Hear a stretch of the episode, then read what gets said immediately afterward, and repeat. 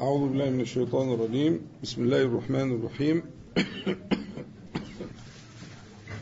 الحمد لله رب العالمين. اللهم صل على محمد النبي وأزواجه أمهات المؤمنين وذريته وأهل بيته كما صليت على آل إبراهيم إنك حميد مجيد. أما بعد فهذا عود حميد إن شاء الله تعالى إلى متابعة الأذكار والأوراد التي كنا بدأناها. وإلى إحياء جداول المتابعة لما ندرسه من الأذكار ومن الأوراد النبوية المشرفة. فالليلة إن شاء الله تعالى معنا ورد نتدرسه ونتفكر فيه.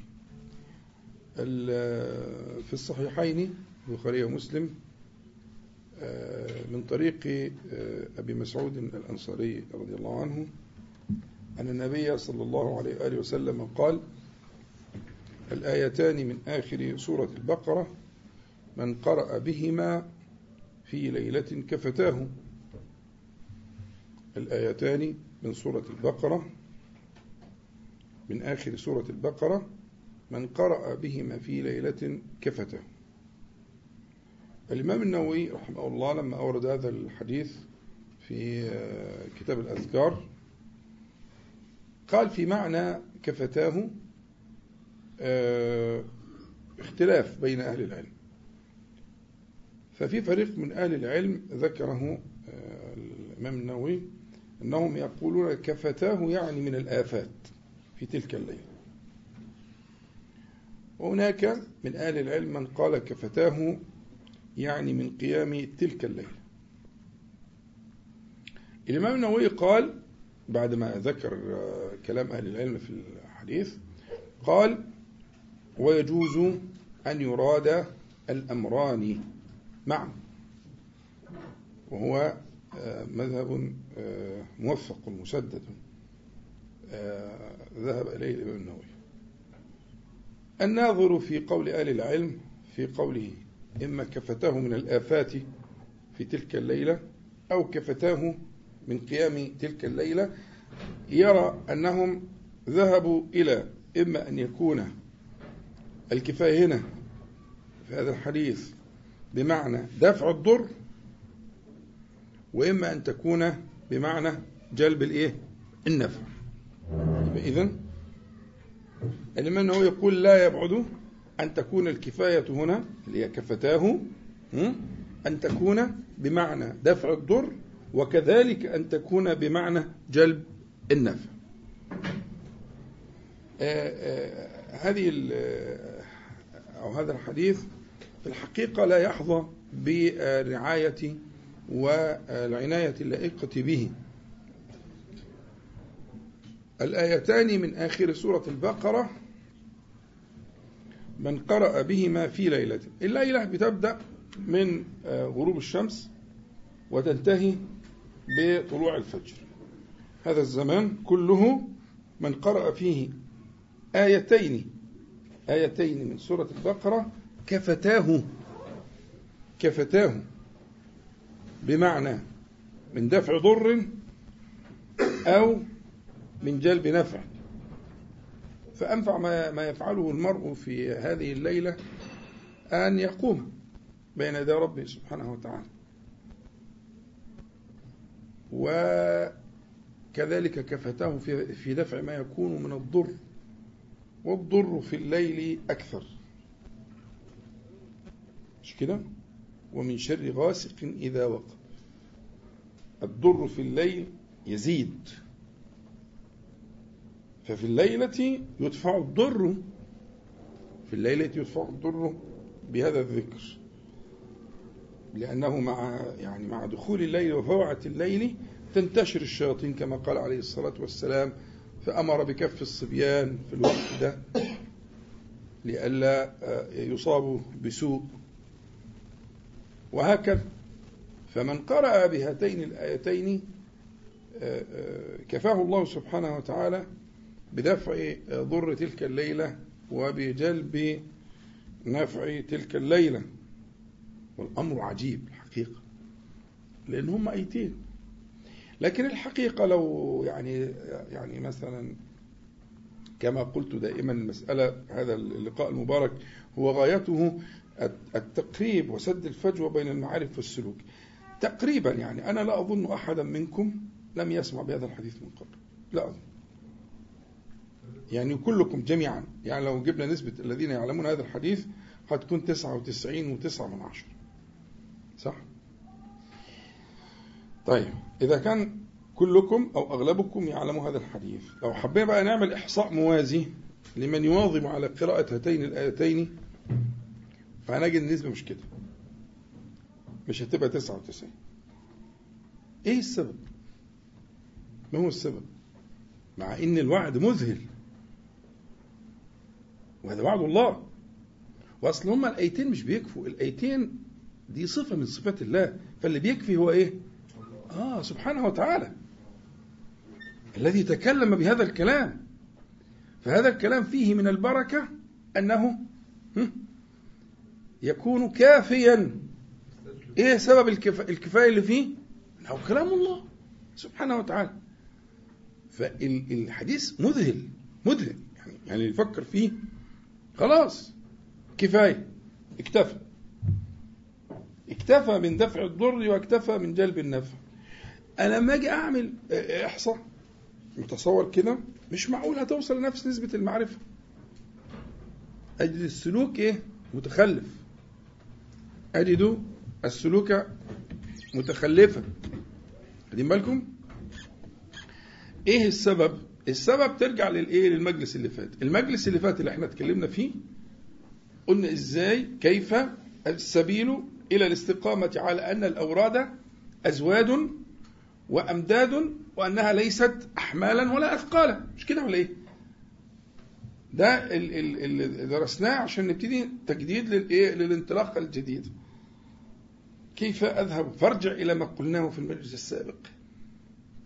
دققوا يعني إن شاء الله كان فيه كلام مفيد جدا جدا. يعني أنا شخصيا استمعت الدرس ده لما روحت. بعدها بيوم ولا اتنين. أقسم بالله وانتفعت جدا. أصله مش كلامي ليس كلامي. يعني أنا استمعت إليه كاملا.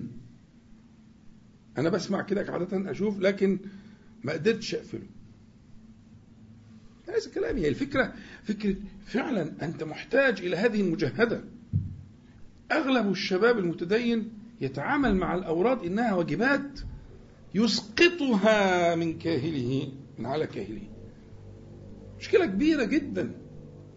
ما بتتقدمش أنت لا تتقدم. التقدم إحنا اتفقنا أن المرء بين اثنتين لا ثالث لهما. لمن شاء منكم أن يتقدم ها أو يتأخر.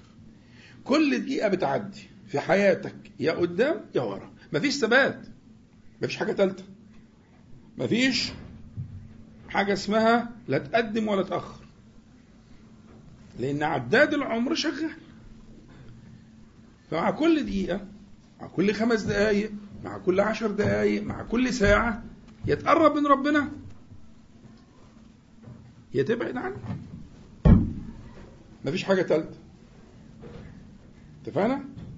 وبالتالي أنا إزاي تلك الأوراد ما بتقدمش فيها إلى أن تصبح زادا ومددا وأن أنا أنتظرها أترقبها أتشوق إليها. زي ما شرحنا مش عيد الدرس. فإحنا عايزين يعني ننزل ما قلناه في المجلس السابق على الذكر ده. ذكر يسير جدا. يعني في قراءتك لتلك الآيتين لا تزيد عن دقيقة. ده لو هتقراها يعني إيه؟ ب ب ب بالتحقيق. دقيقة. دقيقة يكفيك, يكفيك الله تعالى بها. لماذا؟ لماذا لا يحافظ عليها أغلب الناس؟ علشان المعنى اللي قلناه. إنه لم يرتقي بعد إلى التعامل مع تلك الأوراد على أنها أزواد وأمداد. ولا يزال يجاهد نفسه في صلاة الوتر على أنها يعني إسقاط. على أنها مجاهدة. وأنت بتجاهد إيه دي معصية. أنا عايزك تجاهد في حتة تانية. جاهد الكفار والمنافقين. وجاهدهم به جهادا كبيرا. أنت بتجاهد إيه لأن لم تكن تترقب هذا الموعد ترقبا وتنتظره انتظارا. يبقى لازم نقعد مع بعض نشوف الحكاية إيه؟ الخلل فين؟ في خلل. هناك خلل كبير. أنا أدرس هذه الأشياء عشان أرتقي إلى تلك المعاني. إحنا مش بندرس لل... يعني ده مش مجلس علمي. هذا المجلس المبارك ليس مجلسا علميا أبدا. إنه مجلس تربوي محضا تربوي. الغرض منه أنك تخرج من هذا المجلس بعمل. تقيم نفسك عليه. فإذا آه، قوله صلى الله عليه وسلم الآيتان من آخر سورة البقرة من قرأ بهما في ليلة كفتاه يظهر لك خطر الذكر. هذا ذكر خطير. شأنه خطير. شأنه جليل. طب ليه؟ لماذا بقى؟ لماذا الذكر ده بالتحديد له هذا الشأن الجليل الخطير؟ لماذا؟ ارجع إلى يعني وان شاء الله الإخوة بيرتبوا هيبقى في سهل إنك أنت تعرف ترجع للتسجيل إن شاء الله قريب يعني. ارجع إلى ما ذكرت لك أنا مش عايز أعيده لأنه الكلام طويل. الأيتين دول لهم قصة. آه الأيتين دول أنا شرحها بتفصيل. الأيتين دول لهم قصة. فعشان كده من أجل تلك القصة ها صار هذا الفضل. مش هتفهم فضل الأيتين دول إلا ما تعرف القصة. أنا هلخصها عشان اللي ما حضرش. تلخيص سريع كده. قصتها في الآية اللي قبليهم. في الآية اللي قبليهم لله ما في السماوات وما في الأرض. وإن تبدوا ما في أنفسكم أو تخفوه يحاسبكم به الله. فيغفر لمن يشاء ويعذب من يشاء. والله على كل شيء قدير. ثم تأتي الآيتان بقى المذكورتين. ها؟ هي الصحابة لما نزلت الآية اللي هي لله ما في السماوات وما في الأرض لم ينزل بعدها مباشرة الآيتان تأخرتا. تأخرتا فشق ذلك على الصحابة رضي الله عنهم هو قوله سبحانه وتعالى أو تخفوه. كلمة أو تخفوه الصحابة استثقلوها جدا. هم كلفنا ما نطيق. إن تبدوا ما في أنفسكم. لكن أو تخفوه ما يأتي على المرء من الأفكار والخيالات والشكوك والأسئلة الأشياء الصعبة دي. ها؟ فاشتكوا إلى النبي صلى الله عليه وسلم أنهم كلفوا ما يطيقونه وهذه الآية لا يطيقونها. فأرشدهم النبي صلى الله عليه وسلم ألا يقولوا كما قال الأولون من الأمم السابقة وأرشدهم أن يقولوا كما يقول الصالحون. سمعنا وأطعنا غفرانك ربنا وإليك المصير. قبل أن تنزل الآيات. فلما قالوها وذلت بها ألسنتهم ولانت بها قلوبهم. أنزل الله تعالى الآيتين آمن الرسول إلى آخر الآيتين. ولو تذكر أنا قلت لك إن ده عندي دليل قطعي على أن ذكر اللسان أن ذكر اللسان يؤثر في القلب. إن هما رايحين بيشتكوا. قال لهم قولوا كذا. كرروا كذا. فلما كرروا هذا الكلام لانت بها قلوبهم. لانت بها القلوب. إحنا لو تذكر لو رجعت للدرس أنا جبت أدلة كتير على أن الظاهر يؤثر في الباطن. عندنا أدلة في الشريعة كتير. إن فعل الظاهر يؤثر في الباطن. التزامك بالسنة بيؤثر في قلبك. غض بصرك يؤثر في قلبك. لا تختلفوا يعني في الصلاة في الصف. فتختلف قلوبكم يؤثر في قلبك. أدلة كتير ارجع للدرس. فالمسألة قطعية. هم لما أطاعوا النبي صلى الله عليه وسلم وقالوا ما قال لهم وكرروه لانت قلوبهم بهذا الإيه؟ المعنى. وسلموا أمرهم لله تعالى. فنزلت الآيتان آمن الرسول إلى آخر السورة. يبقى القصة دي تذهب بك إلى هذا المعنى الذي قاله النبي صلى الله عليه وسلم كفتاه. يعني هذا فضل من فضل الله تعالى على عباده وخلقه. جاء بعد اختبار اختبار التسليم واختبار الذكر الذي ألان القلوب. فأنت لما تذكر القصة بتفاصيلها ترجع للدرس لما تذكر القصة بتفاصيلها هتعيش الجو ده. ولما تتلو الآيتين ستعلم هذا الفضل. فجعل الله سبحانه وتعالى من يقرأ بتلك الآيتين كما قرأ الصحابة رضي الله عنهم. لما قرأوها بعد كده سيكفيه الله عز وجل كما كفاه يكفيه الله تعالى كما كفاه ويلحق بهم رضي الله عنهم. الآيتين دول لهم قصة. تقدر تسميهم نزلوا إعلان بإيمان الصحابة الكرام رضا عن الصحابة الكرام رضي الله عنهم. لما ذلت الألسنة ولانت القلوب أنزل الله هذه هاتين الآيتين. فأنت لك من ذلك نصيب. بإيمانك بالله تعالى وبنبيه صلى الله عليه وسلم وباتباعك لسنته المشرفة على ما نقله إليك الصحابة رضي الله عنهم. إذا فاستحضار المقدمة لتلك الآية هيخليك لما تقول بقى إيه؟ الآيات تستحضر فيها. أقول الآيات مشروحة, مشروحة بالتفصيل لها إن شاء الله. ما فيها من الجمال والكمال والرزق والإنعام. لا أريد التكرار. ارجعوا لها. من أول آمن الرسول بما أنزل إليه إلى من ربه إلى آخر الإيه إلى آخر السورة وفيها أرزاق وفيها من أسماء الله تعالى الحسنى. فيها حاجات لطيفة جدا ونافعة إن شاء الله تعالى. صلوا على النبي صلى الله عليه وسلم.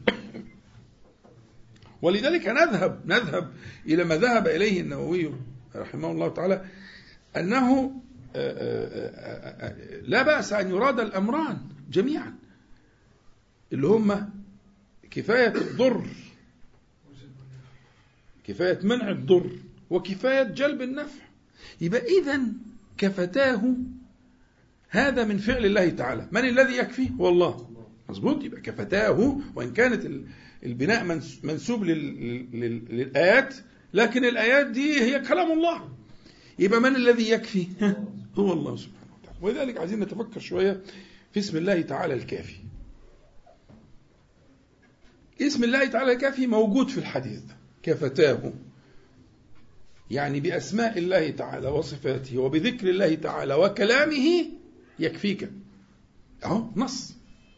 يكفيك. يكفيك على المعنيين. اختيار النووي اختيار التحقيق والتدقيق. يكفيك على المعنيين. يعني يكفيك بدفع ضر يكفيك بجلب نفع في تلك الليلة. فنفع الليلة كلها نفع الليلة كلها قد كفيته.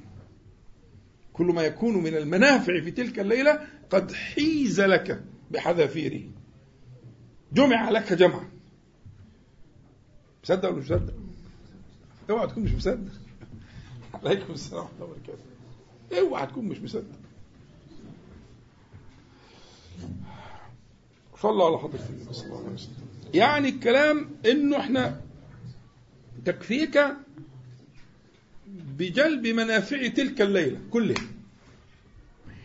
وتكفيك بدفع ضر تلك الليلة كلها. وده التحقيق والتدقيق في المعنى.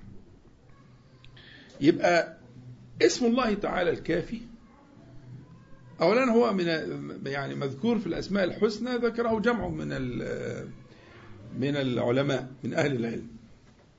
حافظ ابن حجر ذكره في فتح الباري وأبو بكر بن العربي المالكي الإمام ذكره في أحكام القرآن وغيرهما يعني مذكور فهو معدود من الأسماء الحسنى. تمام؟ هو جاء في القرآن الكريم بصيغة اسم الفاعل وجاء في القرآن الكريم بصيغة الفعل. بصيغة اسم الفاعل جاء في سورة الزمر. تفضل تفضل. جاء في سورة الزمر. بصيغة اسم الفاعل. في قوله تعالى أليس الله بكاف عبده؟ ماشي. وجاء بصيغة الفعل فسيكفيكهم الله في البقرة. وده فعل مضارع. وجاء وكفى الله المؤمنين القتال. وجاء إن كفيناك المستهزئين دي أفعال. سواء ماضي كفيناك كفى الله المؤمنين ده ماضي. أو سيكفيكهم الله المضارع اللي هو يفيد الحال أي يكفيك الآن ويكفيك بعد ذلك. ده أفاده المضارع. يبقى وجاء باسم الفاعل في في الزمر. أليس الله بكاف عبده؟ إحنا هنأجل الكلام في في القرآن هندرس بقى إن شاء الله الآية دي مهمة قوي الآية اللي هي آية الزمر دي دي آية مهمة جدا وأنا ذكرتها قبل ذلك لكن لا بأس بإعادتها لأهميتها لأن السياق فيها مهم جدا. سياق الموضع ده في سورة الزمر مهم جدا في مفهوم أليس الله بكاف عبده؟ والأسلوب الذي الذي جاءت به اللي هو أسلوب همزة الاستفهام وبعدها ليس ده أسلوب مخصوص. ألست بربكم؟ أسلوب مخصوص في القرآن الكريم. وفي كلام العرب أسلوب له معنى. إن هو تيجي همزة الاستفهام ويجي بعدها نفي وبعدين المستفهم عنه ويجي بعديها. كتير جدا في القرآن الكريم ألم نشرح لك صدرك؟ ألست برب؟ كتير كتير كتير في القرآن الكريم. الأسلوب ده باختصار إحنا إن شاء الله هنشرحه بالتفصيل في في الصف والمحلى لكن إحنا باختصار يناسب المقام ده الأسلوب ده نوع من أنواع الاستفهام المجازي اللي الغرض منه الغرض منه إن المتكلم يعتبر أن هذا المستفهم عنه أمر مستقر عند المستفهم آه، آه، آه، الشخص الذي يستفهم عنه. فإذا قال له ألم نشرح لك صدرك؟ يعني قد استقر عندك أني شرحت لك صدرك. ألست بربكم؟ قد استقر عندكم. أنه إيه؟ ها؟ أنه قد أودع ذلك في ها؟ في أودع ذلك في إيه؟ ها؟ في فطرتهم. ها؟ وإذ أخذ الله من بني آدم من ظهورهم ذريتهم وأشهدهم على أنفسهم. ألست بربكم؟ ده أمر مستقر. فهو الأسلوب ده عموما عشان تفهمه ببساطة سهل خالص. لما يجي واحد يقول له واحد أنا مش قلت لك بالعامية أنا مش قلت لك يعني معناها إن ده مستقر عندك إن أنا قلت لك. أنا مش بس مش لا يحتمل أن تقول لا ما قلتليش. ما ينفعش. في الكلام الفصيح ما ينفعش أقول لك أنا مش قلت لك تقوم ترد عليها تقول لي إيه؟ لا ما قلتليش. ما حصلش. لو عايز كده ما استخدمش أداة النفي دي. مفهوم؟ تسهيل للموضوع. إن شاء الله التفصيل هيكون هناك يعني. لكن أنت تفهمها كده. لما يجي ألم أليس؟ تيجي بالشكل ده. غير أنت قلت للناس اتخذوني وأمي دي ما فيهاش استفهام. ما دخلت مش ما فيهاش عفوا نفي. فلما يجي الأسلوب في نفي معناها قد استقر عندك أيها المخاطب هذا الأمر.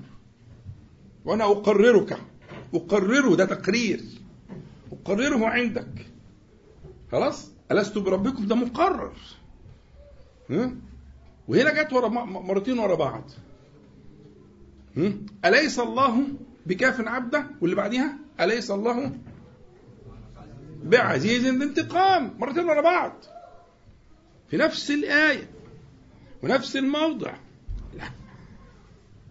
فخليها شوية دي. يعني إحنا إيه دي أهم لأهميتها. عشان تتاخد لأن السياق مهم جدا. السياق في هذا الاستفهام له علاقة بما قبله بآيتين أو ثلاث آيات أو أربع آيات. فخليها في وقتها. فاحنا الأول نشوف ورود هذا الاسم المبارك. طبعا الباقي بقى فسيكفيكهم الله. إنك فينك المستهزئين وكفى الله المؤمنين القتال إلى آخره قريبا. تمام؟ إذا فهمنا دي الباقي قريب إن شاء الله. في السنة في السنة. المعنى ده جه كتير أو جه كذا مرة وله برضو الدلالة المهمة. أول حاجة الموضوع اللي معانا اللي هو إيه؟ كفتاه. حديث في الصحيحين الآيتان من آخر سورة البقرة من قرأ بهما في ليلة كفتاه. يبقى دي كفاية. كفاية هي مقتضى اسم الله تعالى الكافي. مظبوط؟ وفي حديث أبي اللي إحنا نتلذذ بتكراره مش كده؟ آه رضي الله عنه لما قال إني أحب الصلاة عليك فكم أجعل لك من صلاتي. في الساعة اللي كان بيخصصها عليه الصلاة والسلام كان أبي بيخصص ساعة كده للذكر ومقسمها. يجعل للنبي صلى الله عليه وسلم منها حظا وللاستغفار حظا وللتسبيح حظا إلى آخره. فقال كم أجعل لك فجعل يزيد ويقول وإن زدت فهو خير لك. إلى أن وصل فقال طب أجعل لك صلاتي كلها أن أجعل تلك الساعة صلاة عليك؟ صلى الله عليه وسلم. فقال إيه؟ إذا تكفى همك ويغفر لك ذنبك. تكفى ده اسم آه، فعل آه، مبني لما لم يسمى فاعله. وفكناه يبقى نقول إيه؟ اذا يكفيك الله عز وجل كل ما أهمك. الحديث الأولاني مرتبط بالليلة له ظرف له ظرف اللي هو ظرف الليلة. في ليلة ها كفته فالكل الأئمة ولما يعني ذكر أنه كده وغيره قالوا أنه في تلك الليلة بدفع ضر أو جلب نفع. لكن هنا ما فيش تقييد بالليل. في حديث أبي ما فيش تقييد بالليل. يعني من جعل ساعة أنا قلت كتير ساعة مش معناها ستين دقيقة. يعني زمانا شريفا. يعظمه. يصلي فيه على النبي صلى الله عليه وسلم. ولو فاته لعذر يقضيه. ده متحقق له الحاجتين دول قولا واحدا. لأن دي مش مش مش واقعة عين مش خاصة بأبي. مش مش تكفى همك يا أبي ولا تكفي غيرك؟ لا. هذه سنة للأمة كلها. فمن جعل لله تعالى ساعة يصلي فيها عدد ما مش مش لازم يعني الأعداد اللي هي لا يمكن الاستمرار عليها. لا تيسر. بالوقت. بالوقت. ما تيسر. ومرة ياخد صيغة متوسطة مرة ياخد صيغة طويلة مرة ياخد صيغة قصيرة. كل ذلك مطلوب. ها؟ إن الله عز وجل سيكفيه لأن فكنا بقى الفهم. تكفى. سيكفيه الله عز وجل إيه؟ همه. وإحنا اتفقنا إن الهم هو كله متعلقات بالإيه؟ ها؟ باللي جاي. اللي مهموم مهموم باللي جاي. اللي مهموم مهموم باللي جاي. صح؟ بما يأتي. وطبعا ده مش هنفتحه لو فتحناه مش هنقفله. صح؟ اللي مهموم مهموم باللي جاي. اللي جاي زي ما أنتم شايفين يعني له له ليس له إلا الله. يعني اللي جاي ليس له إلا الله. صح؟ وحسبنا الله. يكفينا. ولا إيه؟ ما مش والله دي مش تقليل منها. بس فاعتصموا بحبله سبحانه وتعالى. وقفوا ببابه جل جلاله. فسيكفيكم.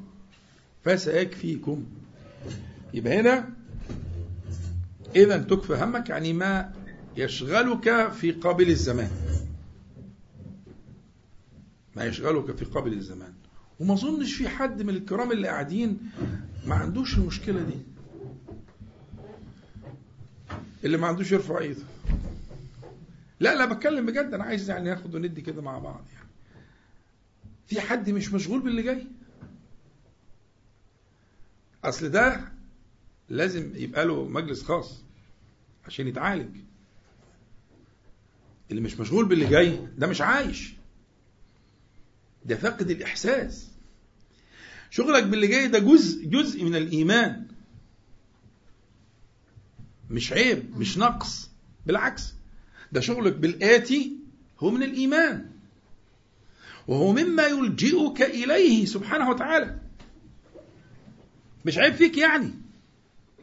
فأنا كنت بعمل فخ بصراحة. عشان واحد يقول أنا مش مشغول باللي جاي أقول له لا أنت تيجي بقى بقعدة خاصة. يعني عندك مشكلة؟ لكن كلكم مشغولين باللي جاي فكلكم طبيعيين. أنتم مؤمنون. ما يشغلك مما يأتي من الهموم إنما يدفعك إليه سبحانه وتعالى. بس بطريقة النبي صلى الله عليه وسلم ما تخترعش. ما تخترعش طريقة تذهب بها إليه. احذر. لكن إن شئت أن تذهب إليه ها فبطريق محمد صلى الله عليه وسلم. وهو رسم كل حاجة. ما ترك صغيرة ولا كبيرة. يبقى إذا عليه الصلاة والسلام. إذا بعد ما لقينا الحديث اللي هو في ليلة كفتاه لقينا حديث إيه؟ أبي تكفى همك. والثانية طبعا ويغفر لك ذنبك. ده المتعلق بالماضي. فالصلاة عليه صلى الله عليه وسلم بهذه الطريقة لا تحمل هما لما يأتي ولا تنشغل بما كان. ودي حال أهل الجنة على فكرة. على فكرة دي حال أهل الجنة. لا خوف عليهم ولا هم يحزنون. لا خوف في اللي جاي ولا حزن على اللي فات. باختصار. هو ده أحلى أهل الجنة. فهيبقى ناس عايشة على الأرض وكأنها ها من أهل الجنة. اللي يجمع الأشياء دي في السنة وإحنا الحمد لله بنجتهد في جماعة قد ما نقدر. سيكون كأنه من أهل الجنة يعيش على الأرض. فوض أمره لله وأحسن التوكل عليه. ورضي به سبحانه وتعالى ربا يعني موجدا ورازقا جل جلاله. وعبده بأسمائه وصفاته باسمه الكافي والمقيت ها والحسيب والحفيظ وكل دي أسماء متقاربة. وإن شاء الله لما نشرح الاسم بالتفصيل هنقول الفروق بينها بين اسم الله تعالى الكافي وتلك الأسماء. في في مقادير مشتركة وفي فروق لكن في مقادير مشتركة بين تلك الأسماء وما في معناها فلما عبد الله تعالى بها سكن الله قلبه. وكأنه من أهل الجنة. تكفى همك ويغفر لك ذنبك. بس يبقى فاهم معنى الصلاة زي ما شرحنا. ارجعوا بقى للإيه؟ للشرح المفصل لمعنى الصلاة عليه صلى الله عليه وسلم. طيب لقيناها تاني فين في في السنة؟ لقيناها في حديث الغلام الراهب. لقيناها في حديث الغلام الراهب. قصة رهيبة رهيبة القصة دي. وبرضه مشروحة رجعوا لها الولد الغلام ده راح في قرقور راح في مركب كده ومش عارف إيه اللهم اكفيني بما شئت اتقلبت المركب وغرقوا كلهم ورجع ماشي للملك طلعوا عشان يرموه من على جبل عالي. لما طلعوا قال اللهم اكفنيهم بما شئت اتزلزل الجبل اتدحوروا كلهم وماتوا ورجع للملك ماشي. يعني هذه الكلمة اللهم اكفنيهم بما شئت زلزلت الجبال وجعلت البحار تلتئم وتأكل هؤلاء المجرمين. نفس الك... اللهم اكفنيهم بما شئت. هي نفس الفكرة اكفنيهم. هذا طلب ودعاء أن يكفيه الله عز وجل الضمير. يكفنيهم هؤلاء. فكفاه الله عز وجل. وهذه دعوة لا تخيب أبدا. بس تتقال.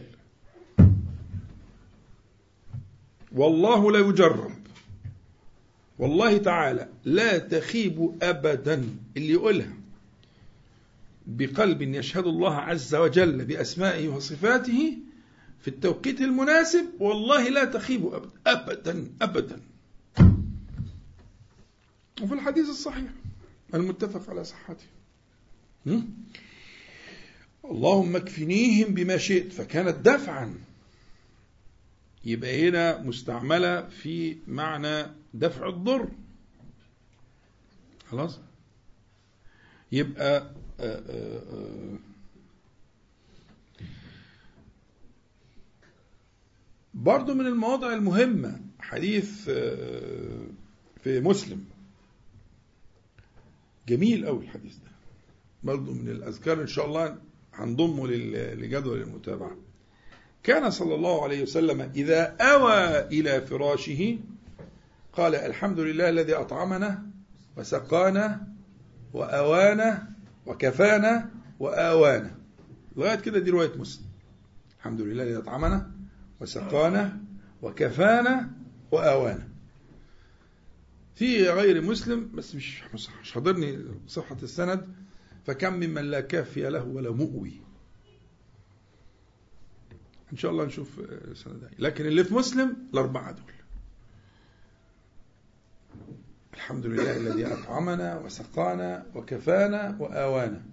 فإذا النبي صلى الله عليه وسلم كان يذكر آه، الأمة بأن يقولوا ذلك إذا أووا. يعني هذا الإيواء من فضله سبحانه وتعالى.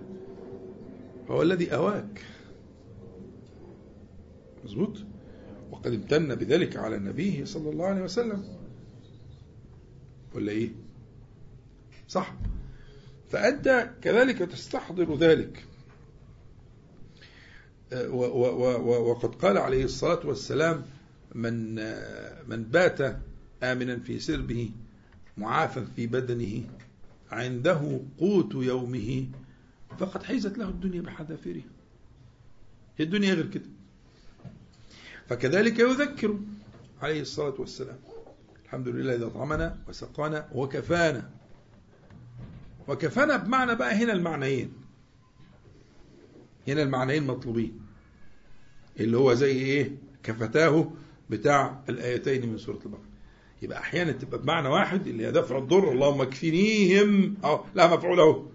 فسيكفيكهم الله. لا مفعول اهي هنا بمعنى دفع الضر. لكن في أحوال بتبقى للاثنين لجلب النفع ودفع الضر. زي إيه؟ في ليلة كفتاه وزي الإيه؟ اللي معانا دي. تمام؟ هي نفس الفكرة. كفانا يعني كفانا. بما نحتاجه فلا نحتاج لغيره سبحانه وتعالى بجلب المنافع. وكفانا بمعنى دفع الضر. أطعمنا وسقانا وكفانا. جامع الطعام والسقيا. ها وآوانا فكم ممن لا كافي له ولا مؤوي. هؤلاء الذين ذهلوا عن الله تعالى. في الرواية دي الذين ذهلوا عن الله تعالى لا كافي لهم ولا مؤوي. لكن الذين آمنوا بالله عز وجل وصدقوا رسله هم الذين كفاهم وأواهم اتفقنا؟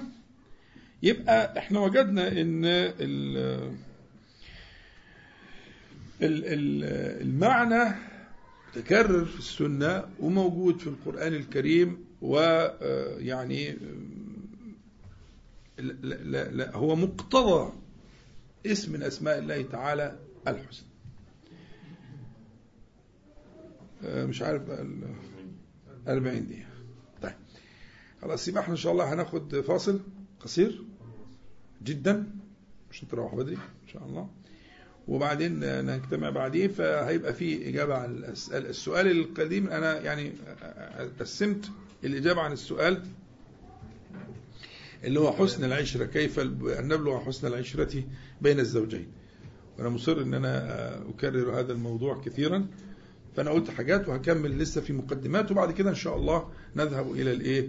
إلى الإجابة عنه فإن كان في أسئلة أخرى هقدمها. ما كانش في أسئلة هنكتفي على استكمال ما كان ويبقى إن شاء الله معدنا آه، المرة الجاية تكون وظيفته مواظبة تامة على تلك الآيتين يعني كنت أراها دلوقتي. أنا في واحد صديق يعني من الشباب ما كنا صغيرين يعني.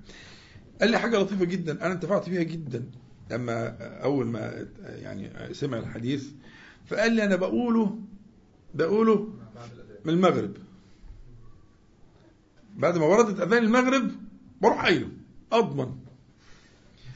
هو ما شاء الله شخصية نصحة جدا يعني في الدنيا وكده ما شاء الله قوة بالله. ما تفوتوش فايت. فعجبتني قوي نصحته في الدنيا ها وصلته لهذا الحرص. فقال لي أنا بقولها بعد أذكار المغرب. بعد بقول أذان المغرب بروح قايل الأيتين. قلت له يا ابن الإيه؟ دي نظرة. بس فيها جمال فيها فيها خين على الله تعالى؟ فهو عايز الكفاية من أول غروب الشمس. واخد بالك؟ حاجات حلوة. ناس ناس يعني في وصل مع الله تعالى. في يقين على هذا الكلام. واخد بالك؟ فيقول لي أنا كنت أول أخلص أذكار ترديد الأذان المغرب. من بعدها اللهم رب الدعوة تامة وخلصها أعوذ بالله من الشيطان الرجيم. ويروح قرا الايتين ويحس إن هو في الإيه؟ في الامان فإن شاء الله إن شاء الله شوف أنت بقى هتقولهم إمتى. حاسب نفسك ال- ال- الأسبوع ده إن شاء الله لغاية لما نلتقي. والحصة الجاية إن شاء الله ندرس بالتفصيل آه، كما تعودنا يعني آه، اسم الله تعالى الوكيل. وما يتعلق به من الأسماء الحسنى. آه، عفوا الكافي. أنا أخطأت. الكافي. وما يتعلق به من الأسماء الحسنى. إن هنا هتبان الفروق بقى. الفروق دي معينة على الفهم وال- والعبودية. لما تفهم الفهم بين. بين الكافي والمقيت أقرب شيء إلى بعضهما. لكن في فروق دقيقة مهمة جدا. ويشبه ذلك بعد ذلك يعني الحسيب نفس الكلام ها والحفيظ إلى آخره. فنبتدي ندرس ال- الفروق بين اسم الله تعالى الكافي وتلك الأسماء الحسنى. بعد ما نشرحه بطريقتنا. كلام العرب و إلى آخره ونشوف المعنى ونشرح بالتفصيل جدا إن شاء الله الآيتين ال- أو الآية يعني وما قبلها من سورة الزمر. يهمني جدا. إن فيها أسرار وفيها أنوار بس خلاص نكتفي مش مش هنكرر المقدمة دي. فاسمعها عشان المرة الجاية إن شاء الله نبدأ مباشرة في تفسير الآية وفي شرح اسم الله تعالى الكافي. نسأل الله تعالى أن ينفعنا جميعا بما قلنا وما سمعنا وأن يجعلها رب العالمين حجة لنا لا علينا يا رب العالمين. اللهم صل على محمد. أنزل المقدم مقرب منك يوم القيامة والحمد لله رب العالمين. أعوذ بالله من الشيطان الرجيم. بسم الله الرحمن الرحيم. الحمد لله رب العالمين. اللهم صل على محمد النبي وأزواج أمهات المؤمنين وذريته وأهل بيته كما صليت على آل إبراهيم إنك حميد مجيد. أما بعد فنبدأ بالأسئلة وإن شاء الله نختم بتكملة السؤال عن دوام حسن العشرة بين الزوجين. آه، في سؤال بيقول آه، ما حكم استخدام الأواني المرسوم عليها صور لذوات أرواح كرتونية كالبجعة والعرائس وغيرها للصغار وللكبار؟ ال- ال- ال- الرسومات المقصود بها المنع عنها يعني. كما في الحديث الصحيح البخاري وغيره يضاهئون خلق الله تعالى يعني المقصود بالرسومات التي تضاهي خلق الله تعالى. يعني أن تكون آه، فيها محاكاة لخلق الله تعالى. ويوم القيامة يقال لهم أحيوا ما كنتم تخلقون. يعني بما فيه من مضاهاة لخلق الله عز وجل. فالرسومات المنهي عنها آه، ابتداء هي التي آه، تكون فيها مضاهاة لخلق الله. يعني أن يرسم حاجة فيها من ذوات الروح آه، تشبه خلق الله تعالى. من الطير من الحيوان من الإنسان إلى آخره. فأنا مبدئيا النهي لا يكون على الأشياء التي آه، لا تضاهي خلق الله تعالى. فالحاجات الكرتونية دي ما فيش آه، يعني ما فيش فار مثلا آه، يشبه ميكي. ما فيش فار كده. ده اختراع يعني. هو اخترعوا صورة معينة. فصورة ميكي وأمثال ميكي وكده هذه الصور لا شيء فيها. وأمور يعني آه، ليس فيها المحظور اللي هو فيه مضاهاة لخلق الله تعالى. لكن في مسألة أخرى متعلقة بالموضوع إن في خلاف بين أهل العلم في الصور يعني التي لها ظل والتي لا ظل لها. ففي ناس قالوا لا حتى كمان التي فيها مضاهاة لخلق الله تعالى بشرط أن تكون لها ظل. يعني لها ظل. يعني مجسمة. يعني اللي إحنا. بنقول باللسان الدارج عندنا تماثيل يعني. يكون لها جرم لها ظل.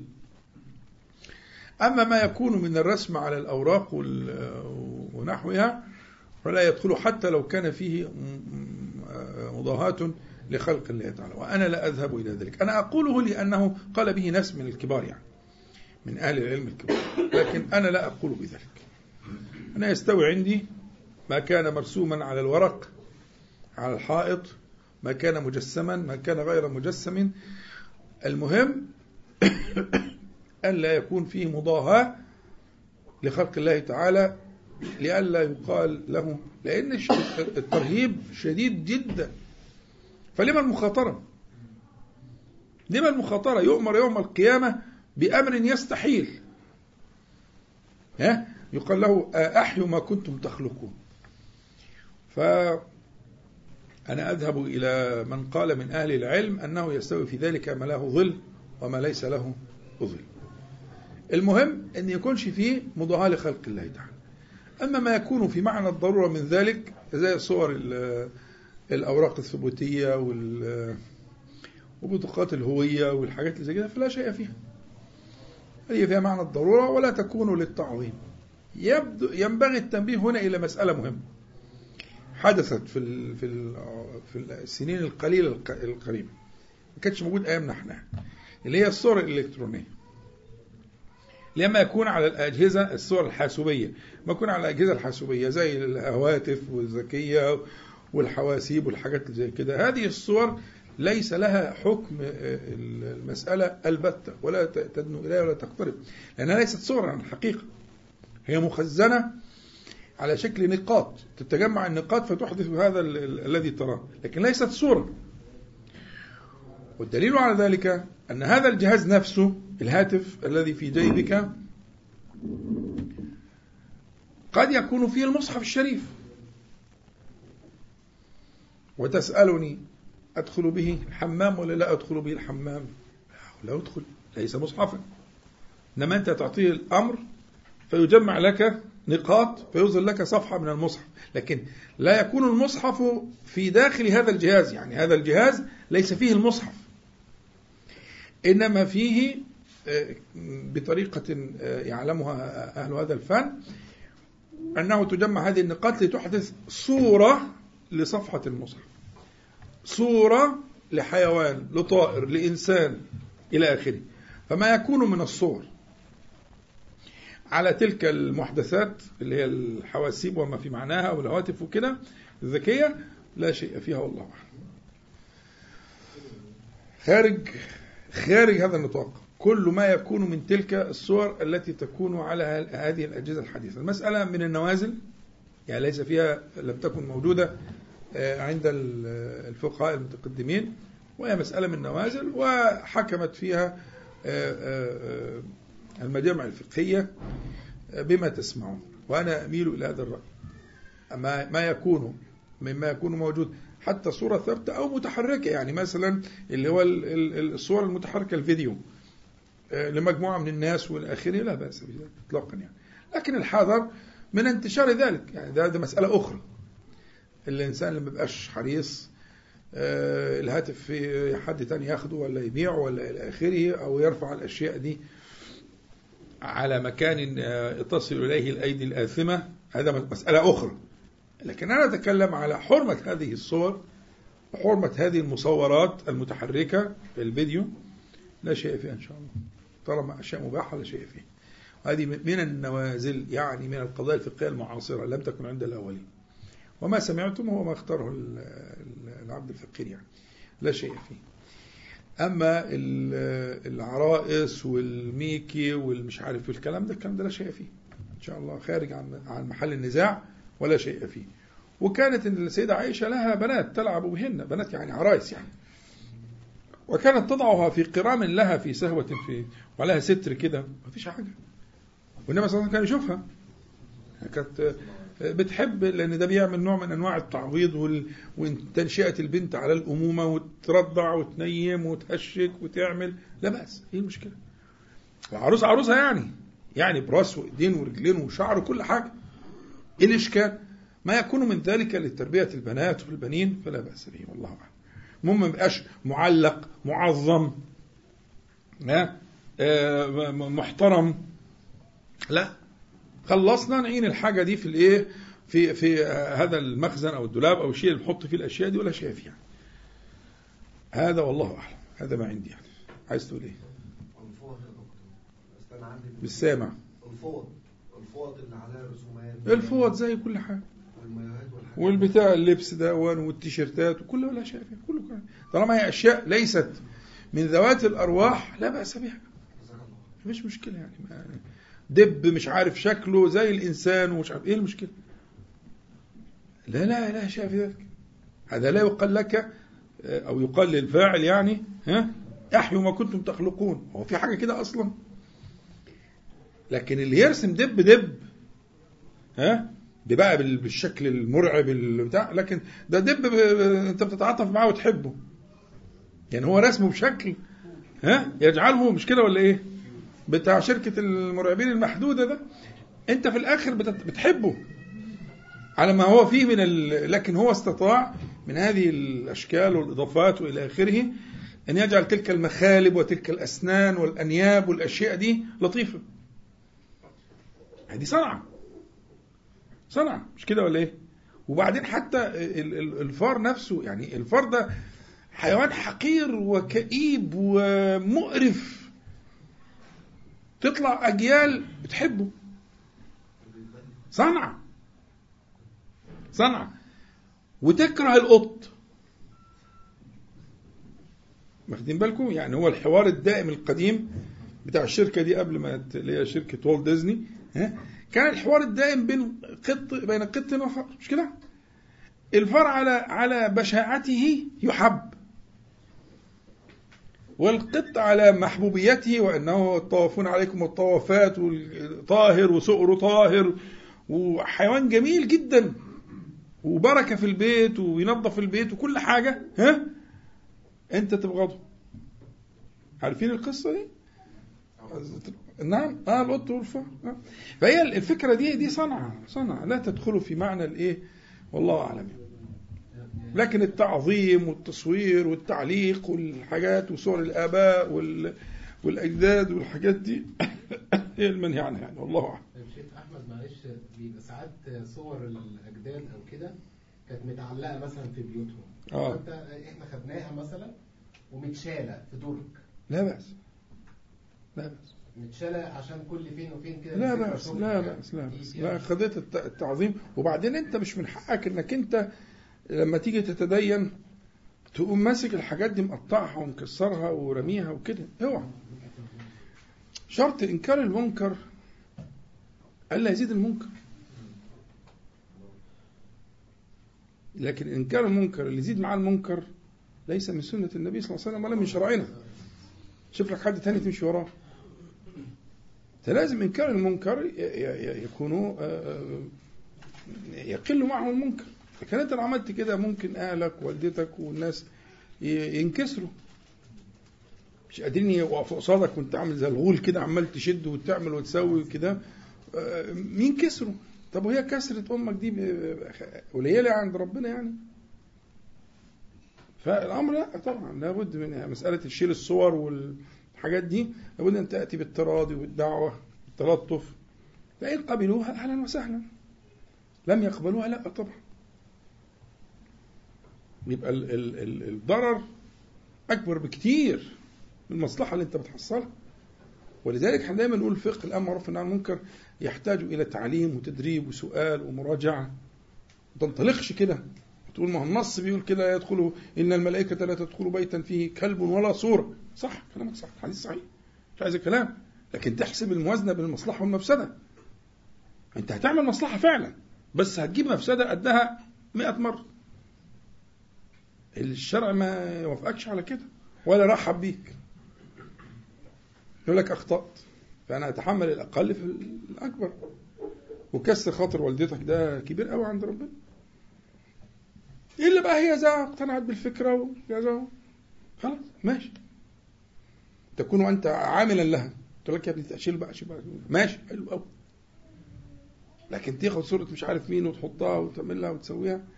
ليس ليس من من الفقه في شيء. والله أعلم. وأنا قلت لكم قبل كده إن طالب الفقه اللي بيتعلم الحلال والحرام والصح والخطأ الصواب والخطأ ده في أول الطريق. ولا يكون فقيها ابدا. الفقيه من يعلم أصوب الصوابين وأخطأ الخطأين. ده الفقيه. يبقى كده بقى فقيه. قبل كده أهو عيل بيدرس الفقه. ليس فقيها. اللي يعرف الأحكام والأدلة والكلام ده لسه في أول الطريق. هذا أول الطريق. ملوش الصلاحية إن هو يفتي ويقطع ويعمل ويسوي. ملكش الصلاحية في كده. ومتى يكون له تلك الصلاحية؟ لما يرتقي ها مرتقا يعلم فيه أصوب الصوابين وأخطأ الخطأين. اللي فيكم درس امتحانات بره. أنا كنت دخلت زمان يعني امتحان الزماله وكده. إحنا متعودين على امتحانات مصر إيه صح وغلط متعدده الإجابة. لا ده السؤال الخمس إجابات صح. آه والله ولاد لذينة. ويقول لك اختار أصح إجابة. واخد بالك؟ لكن كل الإجابات اللي على السؤال صح. هو عايزك تبقى فقيه مش تبقى تلميذ يعني عادي. ما انت عايز تاخد زمالة عايز تاخد رتبة عالية. فما بيجيبلكش السؤال اللي هو إيه أربعة منهم واحدة صح. يبقى في ثلاثة خطأ أنت هتجيبها قال لك لا المستوى ده هتعمله في بلدكم. لكن عايز ترتقي إلى هنا هجيب لك أربع إجابات صحيحة. واختر منها أنت أصحها. كده بقيت فقيه. طيب الشريعة أشرف من كده بكتير. ومش هتبقى فقيه ولا تفتي ولا تتكلم. تفتي غيرك يعني ها؟ ولا تفتي حتى نفسك إلا إذا أدركت ذلك. تعرف أصوب الصواب وأخطأ الخطأ. المسألة واضحة؟ فالمسألة الصور والحاجات دي يعني إن كنت طبعا كذلك فربنا يوفقك لكن لو غير كده تراجع وسل لعلك أن يعني تجاب هل عيسى عليه السلام توفاه الله تعالى أم رفعه الله إليه؟ وكيف تم هذا؟ عيسى عليه السلام بنص القرآن حصل له الاثنين. بس كلمة توفاه مفهومة غلط. بس. فلما توفيتني كنت أنت الرقيب عليه. إني متوفيك ورافعك إلي مش كده؟ جت مرتين في القرآن. مظبوط؟ مرة في آل عمران مرة في المائدة. صح؟ حلو قوي متوفيك هنا في في الموضعين دول معناها وفيتك أجلك في في هذه الحياة الدنيا. لكن رفع حيا لم يمت يعني. خلينا ناخد الايه اللفظ الثاني. اللي هو لفظ إنك ميت وإنهم ميتون. عليه الصلاة والسلام. مش كده؟ طبعا لما يتقال للنبي صلى الله عليه وسلم إنك ميت ده بيسموه في العربية باعتبار ما سيكون. يعني إنك ستموت. وإنهم ميتون. ما هو الموتين دلوقتي يبقى خلاص خلصوا. لا وإنهم سيموتون. ده المعنى يعني. فخد التعبير ده أسهل في عيسى عليه السلام. هل مات عيسى عليه السلام؟ هو ده السؤال. خلي السؤال اعدله لكن توفاه نعم توفاه. توفاه بمعنى وفاه أجلا. في الحياة الدنيا. ورفعه حيا إليه. وده مش عيسى بس وفي غيره في أدلة على أن الخضر عايش وفي أدلة تانية في كتير. يعني الموضوع ما فيش مشكلة يعني. أن يحيا حتى أن في من الحاجات اللطيفة اللي بيقولوا الصحابة الكرام آخر الصحابة موتا مبحث موجود في كتب علم الرجال. فبيقولوا آخر الصحابة موتا عيسى عليه السلام. يعني مبحث لطيف يعني. لأن هو الصحابي تعريفهم أن رأى النبي صلى الله عليه وسلم مسلما ومات على ذلك. هو لسه ما ماتش. فآخر واحد شاف النبي صلى الله عليه وسلم ولم يمت حتى الآن هو عيسى عليه السلام. وصلى خلفه. يعني مسألة قريبة. فعايزك تعدل السؤال فاسأله فقل هل مات أم لم يمت؟ الجواب قطعا يقينا نصا لم يمت عيسى عليه السلام. بل رفعه الله إليه في السماء. وسينزل كما جاءت بذلك الأحاديث التي تبلغ يعني معنى التواتر المعنوي. أنه سينزل حتما سينزل. وسيصلي خلف المهدي إلى آخر من أحداث آخر الزمان. تمام؟ فبالتالي الأمر منتهي. عيسى عليه السلام حي عند ربه وسينزل في آخر الزمان. وهو صلى خلف النبي صلى الله عليه وسلم. لكن شبه له. ألقى الله تعالى شبهه على ال- الذي خانه. فهناك من صلب. نعم هناك من صلب صح. بس الذي صلب ليس عيسى عليه السلام. اتفقنا؟ فلا قدسية لهذا الصليب. الصليب قدسيته آه، آه، مكذوبة. قدسية الصليب مكذوبة. لأن الذي صلب على الصليب هو خائن. كفر بالله ورسوله وباع عيسى. يهودي باع عيسى. وخان الله تعالى. فكانت عاقبته ما ما حصل له. تمام؟ طيب السؤال اللي بعد كده.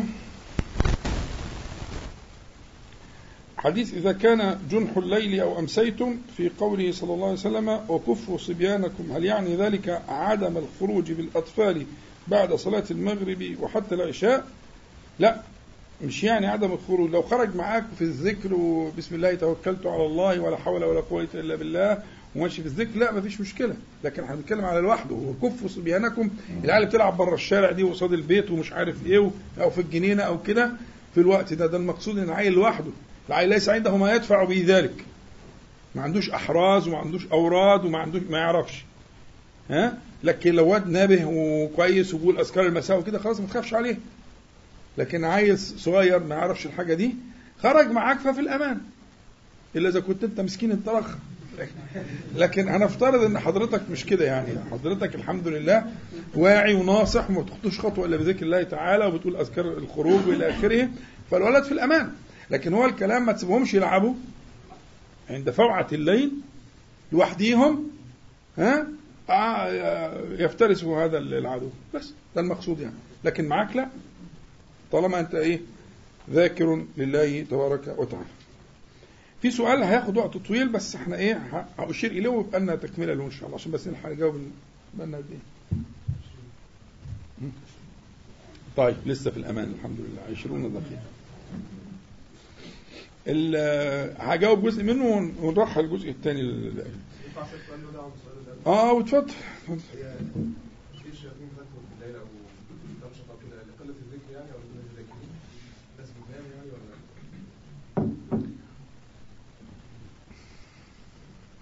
لا ليه دي عايزة وقت ليه دي عايزة وقت لكن ال- الواقع الثابت بال- بالكتاب وبالسنة أن عمل الشياطين في الليل أكثر.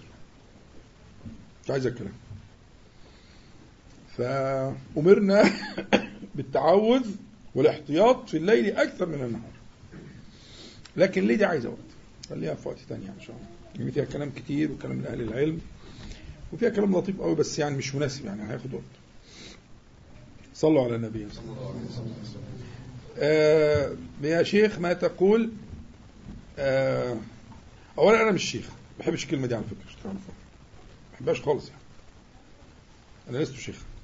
كلمة كبيرة جدا وأنا لست كذلك. يعني يا إما تقول لي أحمد يا إما تقول يا يعني آه، دكتور أحمد مش أكتر من كده أكتر من كده لا. لأن دي حاجة أنا متأكد منها لكن حكاية شيخ ده أنا ما بحبهاش يعني ما بستريحش فيها بصراحة. خالص إطلاقا. بتروح خبطاني كده بت تلوحني. لست شيخا. الشيخ ده له شروط وله آه، ضوابط وحاجات زي كده آه، وهي ليست متحققة. فخلينا كده إيه? ما تقول أي حاجة زي كده. آه، إن الله اللهم اكفنيهم بما شئت يستجيب الله لها دائما. ولكن المعتقلين والمغتصبين بفلسطين بالتأكيد استخدموها استخدموا هذا الدعاء. ولم ينجهم آه، ولم ينجهم الله تعالى. آه، إلى آخر السؤال. نعم؟ أي نعم. طبعا الجواب على هذا السؤال قد يطول يعني لكن أنا هختصر وفي جزء في السؤال مطلوب صاحب السؤال أو صاحبة السؤال يتواصل معي آه، يعني تواصل مباشر يعني على الهاتف أو على الواتس. أو أي وسيلة من الوسائل الأخرى يتواصل معي لأن في جزء من السؤال يحتاج لاستيضاح وبيان من صاحب السؤال. لكن الجزء اللي ينفع بقية الناس هنقوله هو الخاص بمسألة إيه؟ لم ينجهم آه، لم ينجهم آه، الله تعالى لم ينجهم الله عز وجل. فالجواب أن الأصل والقاعدة أنه ينجي. الأصل والقاعدة أنه ينجي. الأصل والقاعدة أن الإنسان اللي بيقول أذكار الصباح والمساء أنه يحفظ. واللي بيقول الرقية أن الله تعالى يرقيه. ده الأصل. ولا يطعن في هذا الأصل حصول بعض الإيه؟ الاستثناءات لهذا الأصل. لكن الأصل كده. أما الاستثناءات فتكون لحكمة بالغة أرادها الله سبحانه وتعالى. تمام؟ فثابت عندنا في القرآن الكريم وفي السنة أحوال كتير. تعوذ المؤمنون بالله تبارك وتعالى فأعاذهم. مش عايزة يعني مش مش عايزة كتير نباهة ولا واسع علم. ها؟ من تعوذ به أعاذه سبحانه وتعالى. دي القاعدة. لكن ممكن بقى الإنسان يكون في مرتبة يحتاج إلى نوع من الترقي ها؟ فيصرف عن ذلك يذهل عنه. ينسى. ألم يكن هناك من الأنبياء من قتل؟ أنا مش هكلمك على الأشخاص العاديين. أنا بكلمك على الأنبياء والمرسلين. ففي أنبياء قتلوا ولا لأ؟ مش كده ولا إيه؟ هؤلاء أهل الذكر والشهود والحضور ولا يغيبون عن الله تعالى طرفة عين. دول دول خاصة الخلق. ربنا اصطفاهم واجتباهم. ففيش فيها كلام دي. أمال إزاي يحصل لهم من الضرر والأذى ولا... طب سيدهم وإمامهم وخير خلق الله أجمعين. ألم تكسر رباعيته ألم يشج راسه ألم تشحج ركبته صلى الله عليه وسلم؟ طب هو ده أذى. في حد أذكر لله تعالى من النبي محمد صلى الله عليه وسلم؟ والله ما في. ولا الملائكة. ولا في مخلوق من مخلوقات الله تعالى هو أعرف بالله تعالى من محمد صلى الله عليه وسلم. ولا أتقى لله تعالى من محمد صلى الله عليه وسلم. مش عايز كلام. طب كيف يحصل له ذلك؟ ألم يؤذى في أقرب الناس إليه؟ حمزة. أخوه وعمه وتربى معه. وأوذي فيه حتى رآه وقد أخرجوا كبده ومثلوا به. ها؟ في أذى في أذى شديد أهو. وهو الذي لا يغيب عن الله طرفة عين صلى الله عليه وسلم. في حكمة. لكن الأصل هذه الاستثناءات لا تطعن في الأصل. لا تطعن في الأصل. خدت بالك؟ ثم إن هؤلاء المغتصبين والمعتقلين ربما أخطأوا ولم يوفقوا. فإنسان لم يوفق ولم يسدد في اختياره وفي فعله ثم ذكر فقال اللهم اكفنيهم يكفى؟ لا الذي يكفى هو من التزم بشرع الله تعالى ولم يخالفه. والتزم بحساب المصلحة والمفسدة وبأحكام الفقه والشريعة الإسلامية. فربما ربما ربما أنا لا أقوله فعل أو لم يفعل أنه لم يكن موفقا في موافقة الشرع الشريف. فإنسان لم يوفق في في في في, في في, الشرع. ثم آه، آه، آه، قال اللهم اكفنيهم. هذا لا يقطع بأنه يجاب. ربما يكون ذلك من خطأ. يعني اللي حصل في أحد سببه إيه؟ خطأ. في خلاف في خلاف كده خطأ. لأنهم ألحوا على النبي صلى الله عليه وسلم. النبي صلى الله عليه وسلم كان رسم خطة مختلفة. أن يستدرجهم لداخل المدينة. والمدينة كلها حدائق لا جنات آه، وطرق متعرجة ويستدرجهم داخل المدينة ويخلص عليهم. وكان الموضوع منتهي. فألحوا عليه اللي ما, اللي ما أدركوش بدر. فخرج. فلما دخل ليلبس لباس الحرب ها رجعوا أنفسهم. قالوا حملتم النبي صلى الله عليه وسلم على ما يكره. هم لاحظوا كده. فأرادوا أن يتراجعوا فقال لا. خلاص. ثم وضع خطة انتصروا بها في الأول لأن أحد كان في الأول في نصر ونصر مؤزر. مظبوط؟ لغاية لما خالف الرماة وإيه ها؟ أمره صلى الله عليه وسلم. هي دي مش أخطاء يا إخوانا؟ وتعاقبوا عليها؟ أنا أجيب لك مين صفوة الخلق بعد الأنبياء والمرسلين. صفوة الخلق من خلق الله تعالى من لدن آدم إلى يوم القيامة بعد الأنبياء والمرسلين هم من؟ ها؟ أصحاب محمد صلى الله عليه وسلم. عملوا أخطاء شنيعة. الخطأ الأول إلحاحهم عليه صلى الله عليه وسلم. الخطأ الثاني المخالفة في جبل الرماة بعد ما انتصروا. وهو خالد وهم بيجروا. خالد هم بيجروا. لاحظ الملاحظة دي فالتف ورجع. والقتل اللي حصل سبعين من أصحاب النبي صلى الله عليه وسلم قتلوا ومنهم حمزة وغيره? بسبب هذه المخالفة. مفيش مجاملة. مفيش حاجة اسمها مجاملة. مش عشان دول أصحاب النبي صلى الله عليه وسلم. ودول خير خلق الله. هتحصل مجاملة للسنن. لا السنن تسمعوا الكلام. وتلتزموا بالشريعة. وتلتزموا بالأحكام. فلما خالفوا عوقبوا وعقوبة شديدة جدا. أنا مش برقص عشان تقول لي أنت بتتكلم عن المعتقد لا أنا بتكلم ده قاعدة عامة. الشرع له ضوابط. مفيش مجاملة مفيش محاباة. في فقه وفي نظر وفي أحكام. مش عشان أنت راجل طيب وصالح الشرع هينحاز ويلتف عشان يجاملك. اللي ما جاملش أصحاب النبي صلى الله عليه وسلم مش هيجاملك أنت. صح؟ أيوه. لا هو النبي صلى الله عليه وسلم يعني خارج الحسبة دي. كانوا الصحابه الكرام الخطأين الخطأ الأول والخطأ الثاني. الخطأ الأول في الحاحهم عليه الخطأ الثاني في ترك الجبل رمال الجبل. خدت بالك؟ فلم يجاملوا. مش عشان هم حلوين وطيبين وخير الخلق وبتاع تنحني السنن. تتغير استلتفت السنن. لا لن تلتفت بس عشان أطيب خاطر السائل يعني؟ الكلام ده على الصحابة يا إخوانا مش مش بتكلم عن حد تاني بتكلم على الصحابة الكرام. عشان محدش يفتكر إحنا بنتكلم عن حد؟ الصحابة الكرام رضي الله عنهم. موضوع قريب مفيش مشكلة. آه آه آه دي مسألة. المسألة الثانية الكاتب بيقول إيه؟ بالتأكيد استخدموها أو استخدموا هذا الدعاء ولم ينجهم بالتأكيد دي جبتها منين؟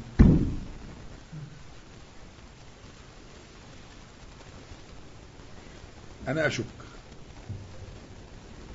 يعني بعد اللي قلته ده رقم ثلاثة بقى أنت بتقول أو أنت بتقولي بالتأكيد استخدموا هذا الدعاء. طيب هات لي دليل. أنا بكلمك من واقع نفسي أنا أنا بنسى. داخل على حاجة ملهاش يعني ليس لها من دون الله كاشفة أحيانا بنسى. أصرف. عشان ربنا مقدر إن ده يحصل. فينسيني. مين قال لك إن هم قالوا كده؟ ومين قال لك إن هم قالوا كده؟ أو إن كلهم قالوا كده؟ مين قال؟ حالات الهلع والفزع والخوف والرعب والأشياء دي لا يؤمن معها أن يذهب قلب الإنسان هنا أو هناك تمام يعني كفاية على المقدار ده وفي بقى جزء في المسألة بقى صاحب السؤال يتواصل معي إن شاء الله لا كده خلاص عشان الناس هتزعل في موضوع الزوجين دول. إن شاء الله في في دقائق معدودة نحاول نقول حاجة مفيدة في الموضوع. دوام حسن العشرة بين الزوجين. أنا قلت في مقدمات وبعدين بعد ما نخلص مقدمات هنجاوب إن شاء الله إجابة السؤال. المقدمة الأولى قلت لك إن المذكور الممدوح في القرآن الكريم هو السكن والمودة والرحمة لأن السؤال كان دوام الحب. وإن الحب لم يذكر بين الناس ذكرا حسنا في القرآن الكريم ال- ال- ال- الحب ذكر ذكرا حسنا بين الناس وبين الله تعالى أما بين الناس فالمذكور في مقام إما الذم أو شبه الذم صح؟ أنتم ولا تحبونهم ولا يحبونهم أي. قد شغفها خدت بالك؟ حتى اللي هو اللي هو الجزء بتاع النساء والرجال يعني. فلكن الممدوح قطعا والمقطوع بمدحه ها في العلاقة بين الرجل والمرأة في القرآن الكريم ثلاث حاجات. السكن والمودة والرحمة دي مقدمة وده أنا بعيد اللي قلته.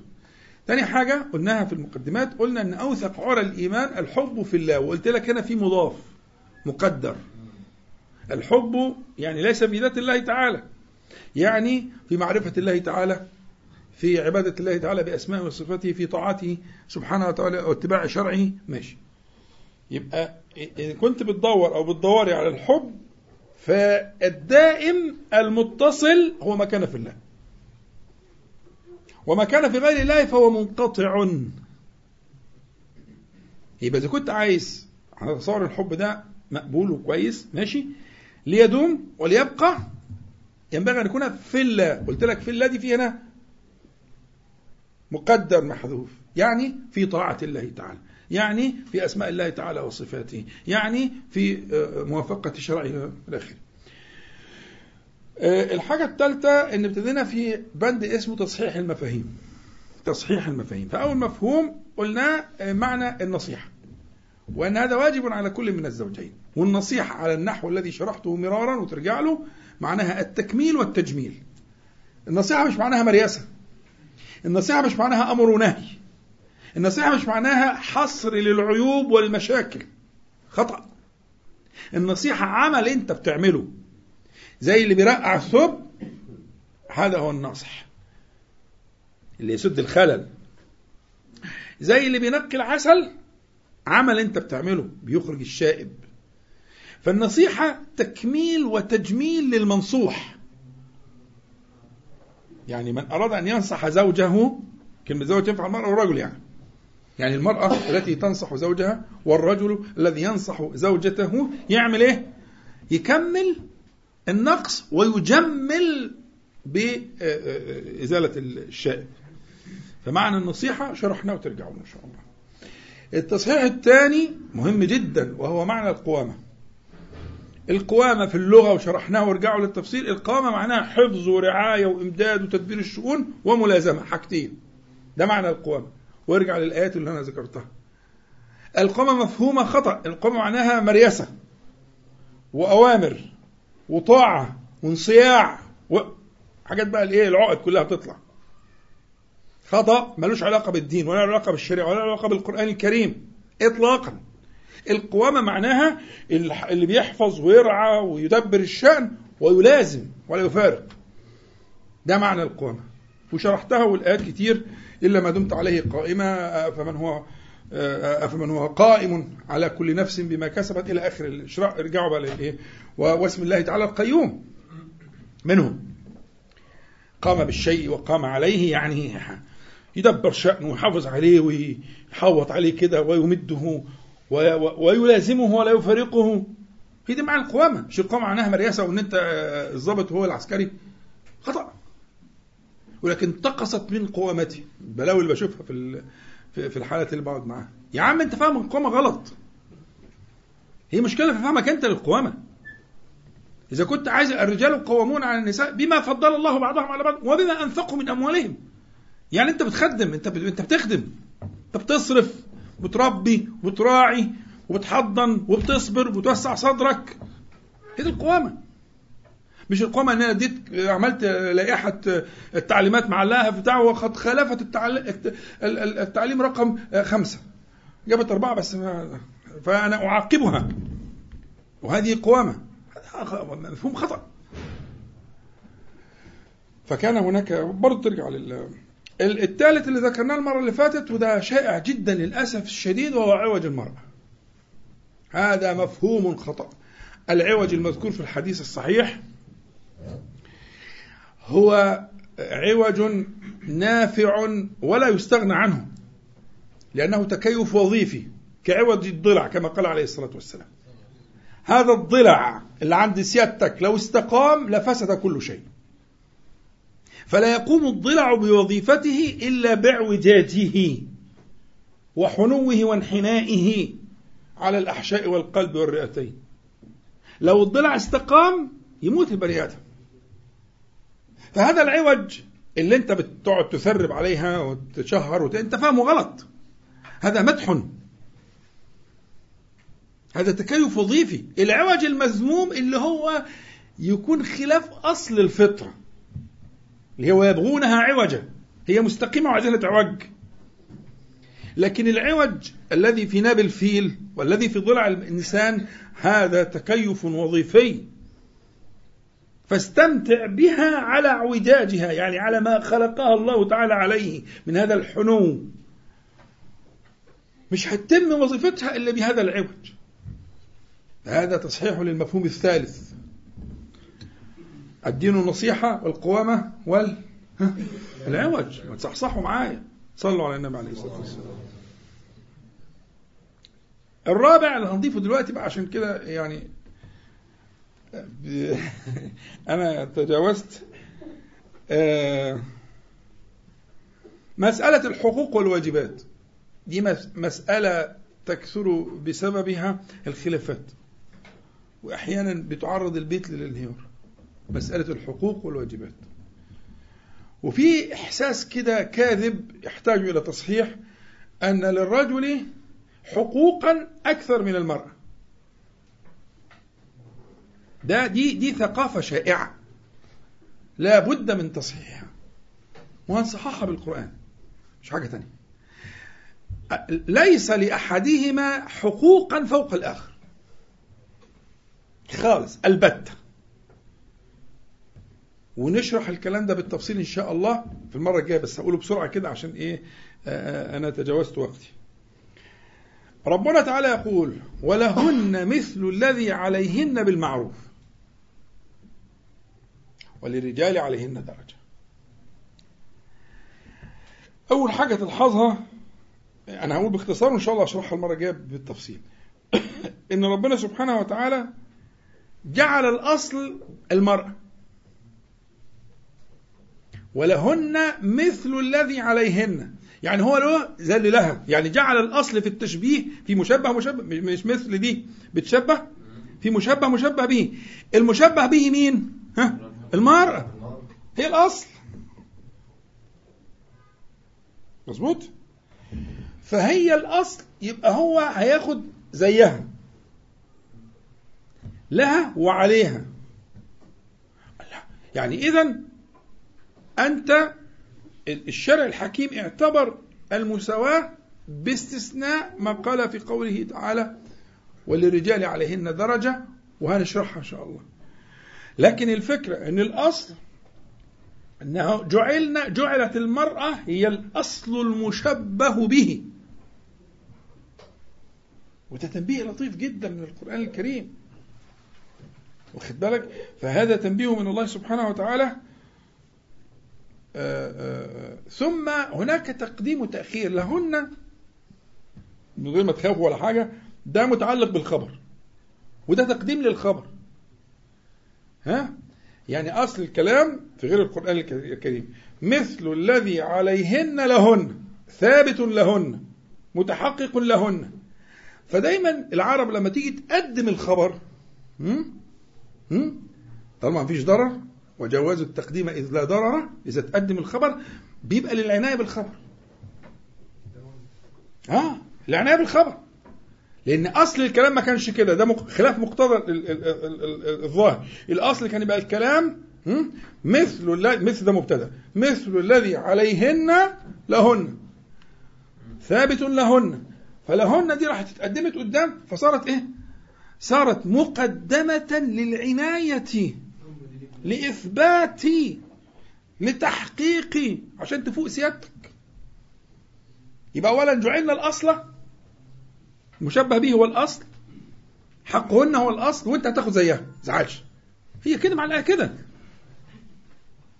هي معنى الآية والله معنى الآية كده. الكلام العربي اللسان العربي كده. كونك أنت مش فاهمه دي مش يعني مشكلتك. لكن اللسان العربي معناه ما تزعلش هتاخد زيها. ثم قدم الجر والمجرور اللي هو ال- ال- عفوا ال- اللي هو آه لهن يعني اللي هو متعلق بالخبر؟ قدم للعناية لأن كان أصل تأخير. مع هذه العناية وهذا الأصل في التشبيه أرجو أن تفيق. بلاش غيبوبة بقى. بلاش ثقافة مستصحبة من بيئات يعلم الله تعالى بها. خاف ربنا. أنتوا سواسيه وربنا قدمها. في الحقوق والواجبات. فإياك أن تذهل عن ذلك. وزي ما قلت لكم آخر حاجة هختم بيها إن شاء الله. ما بينك وبين الله تعالى على باب العفو. بصيت بصة عملت سمعت حاجة اتنيلت بعيد يعني ها؟ في أي حاجة كده خيبة تقيلة ومتوضأ اعمل أي حاجة خلصت. ابيضت الصحيفة. إيه والله العظيم. ما بينك وبين الله تعالى على باب العفو قريب جدا. اللي بينك وبين ربنا بيروح بركعتين. اللي بينك وبين ربنا سبحانه وتعالى بيروح بركعتين. بسبحان الله وبحمده 100 مرة في الصبح وبالليل خلصت. كله بي... طب يدلي الصحيفة مستمر ليل نهار. انت لو مشيت على السنة دي خلاص مفيش حاجة أصلا موجودة. الكارثة فين؟ المصيبة فين؟ الداهية فين؟ مش بقول دعوة اهو. اللي بين العباد. ما بيروحش. ما بيروحش. هتعمل فيه إيه بقى؟ يا ناصح. عملت فيها ناصح وغلبت؟ عملت فيها ناصح وغلبت؟ مش هتروح. والله ما هتروح. لا بتروحها بقى الصلوات ولا الزكوات ولا الخطوات للمساء الحاجات دي مالهاش دعوة بالموضوع ده أصلا. لا تذهب بذلك الحق ابدا. وتبقى. وبعدين في نقطة تانية. معلش سامح في نقطة تانية. قلت لكم مرارا إن إصابة الحق محالة في حق الإنسان. محال. محال إنك أنت تجيب العدل العدل ده لا يقدر عليه إلا الله. تمام؟ في العلاقات الإنسانية مثلا واصعب حاجة في الدنيا العلاقات الإنسانية. إنك أنت تبقى تقول أنا كده العدل الحمد لله. مسكين. مسكين والله ولا فاهم حاجة أصلا. العدل في حقك محال. يعني إيه يا حبيبي؟ يعني إما أن تذهب إلى هنا أو إلى هناك. يتميل على الناحية دي؟ يتميل على الناحية دي. وغالبا طبعا أنت بتميل على إيه؟ على الناحية دي. واخد بالك؟ لا. الناصح الناصح يكون عبد الله المغلوب ولا يكون عبد الله الغالب. يبقى متأكد دايما إن له مش عليه. لو أنت ناصح لو عايز تتعلم صح وتبقى بتشتري الآخرة وتيجي يوم القيامة إن شاء الله ما فيش حاجة عليك خالص في القصة دي ولا حد يطالبك بشيء لا قريب ولا بعيد ولا أم ولا أب ولا زوجة ولا كل ده مفيش حد بيسامح حد. لا الأم بتسامح ولا الأب بيسامح ولا الزوجة بتسامح ولا الولد بيسامح. ما حدش بيسامح في حد. كله بيقول نفسي نفسي حتى الأنبياء بيقولوا نفسي نفسي. حدش بيشيل حد في يوم القيامة. ولا حد عنده استعداد يشيل حد. طيب إذا كنت عاجزا أن تبلغ العدل ولا بد أن تذهب من أن تذهب إلى هنا أو هناك. تعمل إيه يا مسكين؟ ها؟ هات عليك سنة يابا. خليك ناصح. اشتري آخرتك. اشتري آخرتك. خليها عليك. هنا الأمور ماشية. هناك ما فيش حاجة اسمها ماشية. هناك عملة واحدة بس الحسنات والسيئات. أنا بقول لك كده عشان بحبك وعايز مصلحتك. أنا لست منحازا؟ إن كنت منحازا فأنا منحاز إليك. عشان عايز نجاتك. محدش هيسامحك هناك. فلا تبيت إلا وأن تكون مطمئنا إنك أنت جبتها عليك شوية ماشي الكلام؟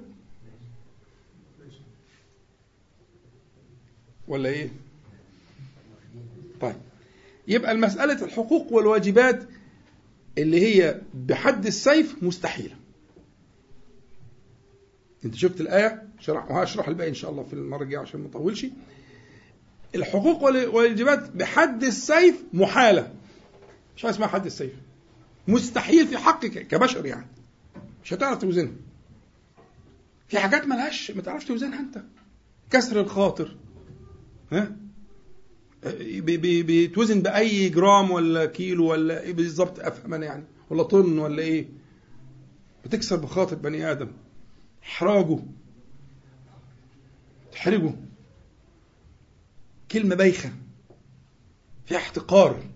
يا ابني ده النبي عليه الصلاة والسلام بيقول بحسب امرئ من الشر أن يحقر أخاه المسلم. ده العادي الشخص العادي اللي مش حقوق أصلا. لو جيب أخاه المسلم ده حطينا أهله. ها؟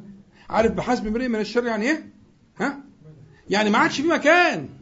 ليس هناك مكان لمزيد من الشر. الصفحة اتملت.